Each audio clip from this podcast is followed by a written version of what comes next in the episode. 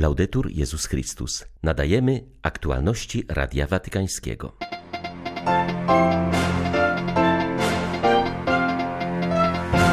Komunikacji prawdę trzeba łączyć z miłością, przypomina papież w ogłoszonym dziś orędziu na Światowy Dzień Środków Społecznego Przekazu. Pomimo negatywnej opinii Stolicy Apostolskiej, Kościół w Niemczech powoła Radę Synodalną jako organ konsultacyjny i decyzyjny, niezależny od biskupów, oświadczył przewodniczący tamtejszego episkopatu. Kubańczycy świętują 25. rocznicę wizyty Jana Pawła II w ich ojczyźnie. Po tych pamiętnych dniach już nic nie było takie samo, coś zaczęło się w nas zmieniać, wspomina ordynariusz diecezji Santa Clara. 24 stycznia witają Państwa ksiądz Krzysztof Ołdakowski i Krzysztof Brąk. Zapraszamy na serwis informacyjny. Nie powinniśmy obawiać się głoszenia prawdy, nawet jeśli czasami jest niewygodna, ale czynienia tego bez miłości, bez serca, napisał papież w orędziu na 57. Światowy Dzień Środków Społecznego Przekazu, którego temat brzmi Mówić sercem prawdziwie w miłości. Serce jako centrum naszego życia osobowego, źródło naszych najgłębszych pragnień, pobudza do otwartej i przyjaznej komunikacji, prowadzi do spotkania, w którym patrzymy na siebie ze współczuciem, przyjmując szacunkiem własne słabości. Ojciec Święty zaznacza, że aby komunikować się z innymi w miłości, należy oczyścić swoje serce. Wtedy możemy zobaczyć więcej niż to, co widać na zewnątrz oraz wyciszyć zgiełk hałaśliwych głosów obojętności, oburzenia oraz dezinformacji, które fałszują prawdę oraz nią manipulują. Franciszek podkreśla, że komunikacja z otwartym sercem i ramionami nie dotyczy jedynie specjalistów od przekazywania informacji, ale jest powinnością wszystkich. Zwłaszcza chrześcijanie powinni być uważni na powściąganie swojego języka od złego. Jako przykład osoby mówiącej z sercem papież wskazał dzisiejszego patrona, świętego Franciszka Salezego, któremu niedawno poświęcił list apostolski Totum Amoris Est z okazji czterechsetnej rocznicy jego śmierci. Cechowała go łagodna postawa, głębokie człowieczeństwo, gotowość do cierpliwego dialogu, zwłaszcza z tymi, którzy mieli przeciwne zdanie. Papież zauważył, że dobrze by było, aby osoby pracujące w dziedzinie przekazu inspirowały się tym świętym czułości, poszukując prawdy i opowiadając ją odważnie oraz z wolnością, odrzucając pokusę używania sformułowań agresywnych i bolesnych. Papież zwrócił uwagę, że mówienie z sercem jest szczególnie potrzebne, aby promować kulturę pokoju, tam gdzie panuje wojna i żeby otwierać drogi dialogu i pojednania w sytuacji podsycanej nienawiści i wrogości. Żyjemy dzisiaj w mrocznej godzinie, kiedy ludzkość obawia się eskalacji wojennej, którą trzeba jak najszybciej powstrzymać, również na poziomie komunikacji, stwierdził Franciszek. Uważa, że zbyt łatwo wypowiadane są słowa nawołujące do niszczenia ludności i terytoriów, które przeradzają się potem w działania wojenne o okrutnej sile przemocy. Ojciec Święty podkreślił także, że to dzięki nawróceniu serca decydują się losy pokoju, ponieważ wirus wojny pochodzi z wnętrza ludzkiego serca. Niemiecki episkopat będzie dążył do powołania tzw. Tak komisji synodalnej, a później Rady Synodalnej jako organu konsultacyjnego i decyzyjnego, niezależnego od biskupów diecezjalnych.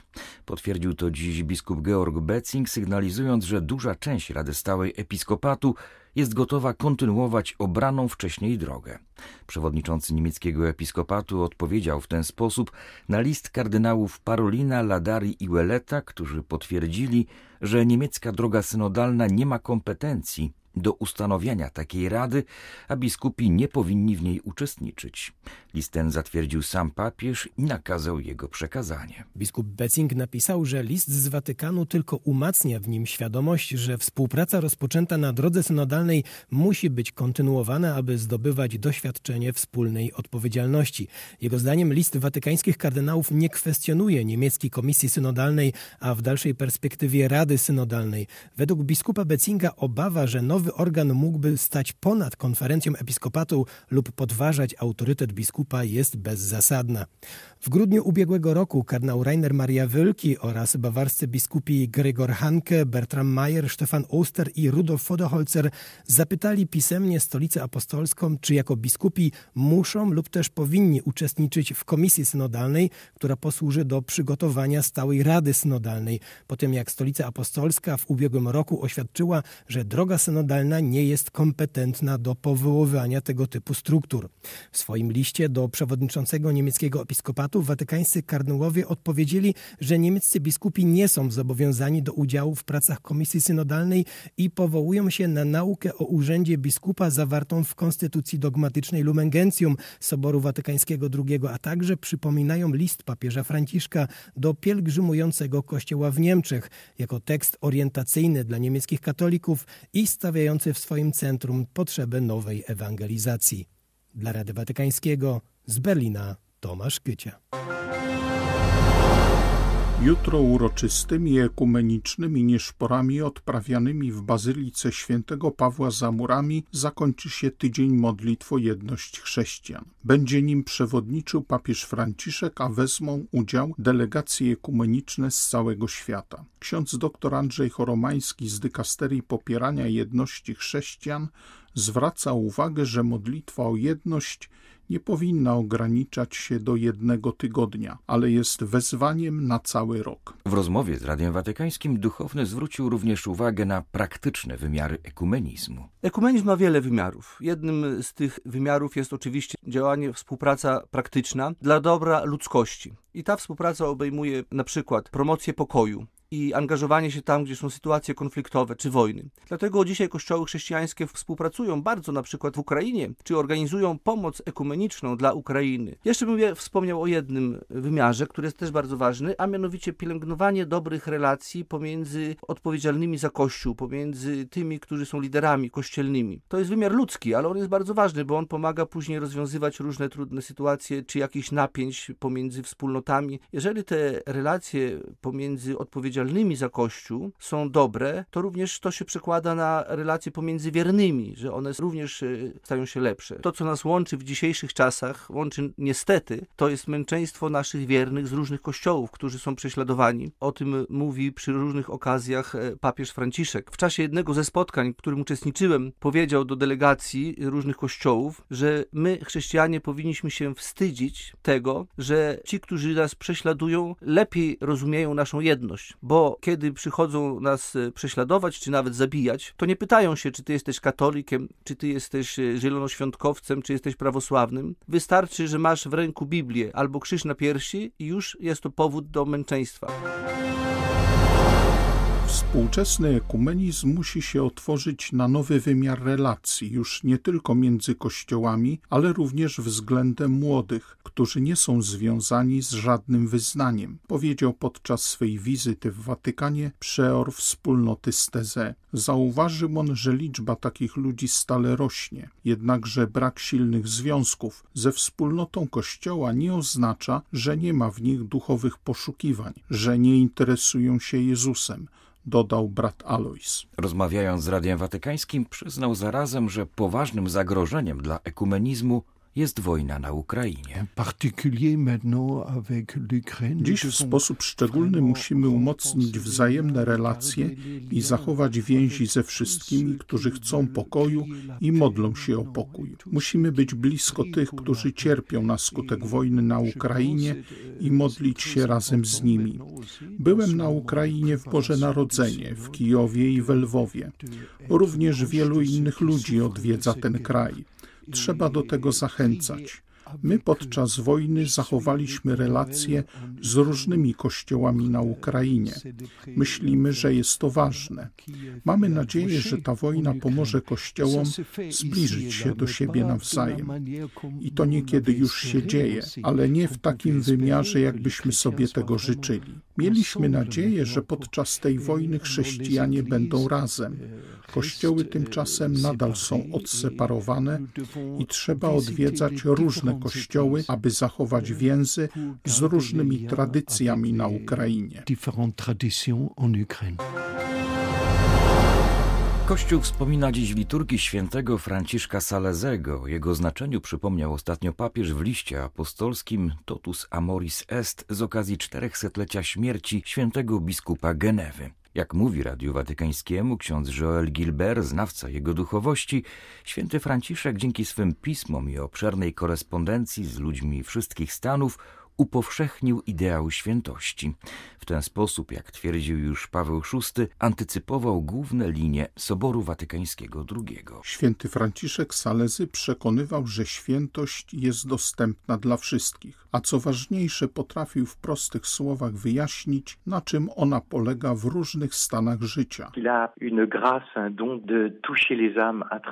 Święty Franciszek Salezy miał dar dotykania dusz swymi kazaniami i pismami. Mam tu na myśli zwłaszcza jego bestsellery, jak Filotea, Wprowadzenie do życia pobożnego. Jego książki poruszały duszę. On naprawdę posiadł sztukę mówienia głębokich rzeczy w sposób prosty, tak że mogli go zrozumieć nawet najmniejsi. Kolejną jego cechą jest nauka o czystej miłości. Święty Franciszek Salezy jest absolutnie przekonany, że opatrzność jest w centrum najmniejszych szczegółów naszego życia. Kiedy coś mi się przydarza, to staram się w tym widzieć przejaw woli Bożej.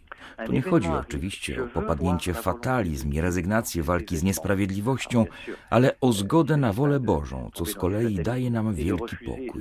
Dziś w sposób szczególny widzimy, że żyjemy w świecie naznaczonym przemocą i nie chodzi tu jedynie o wojnę na Ukrainie. Przemoc jest przede wszystkim w naszych sercach i to właśnie tam, we własnym sercu, rozpoczyna się zaprowadzanie pokoju w świecie. A pokoju w sercu nie da nam psychologia. Aby go osiągnąć, trzeba pozwolić Jezusowi, którego pismo nazywa księciem pokoju, w nas promieniować. Pokój nie jest techniką psychologiczną. Pokój w najgłębszym tego słowa znaczeniu jest imieniem Boga. Trzeba pozwolić Bogu, by był w nas Bogiem. W tym streszcza się cała duchowość świętego Franciszka Salezego. Kościół na Kubie obchodzi w tych dniach 25. rocznicę wizyty świętego Jana Pawła II. Obchodom kościelnym towarzyszą wydarzenia kulturalne we wszystkich diecezjach na wyspie. Pierwszą mszę świętą papież Polak odprawił na ziemi kubańskiej w Santa Clara, na terenie kompleksu sportowego Manuel Fajardo, u podnóża majestatycznego wzgórza Capiro, gdzie dziś stoi jego pomnik. W tym miejscu po 25 latach mieszkańcy Santa Clara zgromadzili się na modlitwie różańcowej, a młodzi lektorzy i akolici z całej diecezji poznawali postać świętego papieża. Trzeba się troszczyć o godny dom dla rodzin i jedność środowiska rodzinnego, by mogły z radością przekazywać wartości etyczne i tworzyć odpowiedni klimat wysokich ideałów i życia wiarą. Upominał się o kubańską rodzinę Jan Paweł II w homilii wygłoszonej w Santa Clara 22 stycznia 1998 roku. Od tych pamiętnych dni my, Kubańczycy, nie byliśmy już tacy sami. Coś nowego zaczęło dziać się w wielu synach tej kubańskiej ziemi. Wspomina tamte wydarzenia biskup Arturo González Amador, ordynariusz diecezji Santa Clara. Po 25 latach, w obliczu masowej emigracji, rosnącego ubóstwa i rozbicia kubańskich rodzin, papieskie wołanie jeszcze mocniej domaga się wysłuchania. Wizyta Jana Pawła II rozbudziła na nowo działalność misyjną Kościoła. Powstały nowe wspólnoty w miejscach, gdzie dotychczas nie istniały. Wiele rodzin udostępniło swoje domy na potrzeby katechezy i sprawowania sakramentów, podkreśla z radością biskup Amador. Jan Paweł II, posłaniec prawdy i nadziei. Pod takim hasłem otwarto w Santa Clara wystawę poświęconą papieżowi Polakowi, która obok organizowanych gali i koncertów ma przybliżyć Kubańczykom postać świętego Jana Pawła II i podkreślić znaczenie jego historycznej wizyty na Kubie. Z Kuby dla Radia Watykańskiego ksiądz Marek Gubernat, misjonarz świętej rodziny. Były to aktualności Radia Watykańskiego. Laudetur Jezus Chrystus.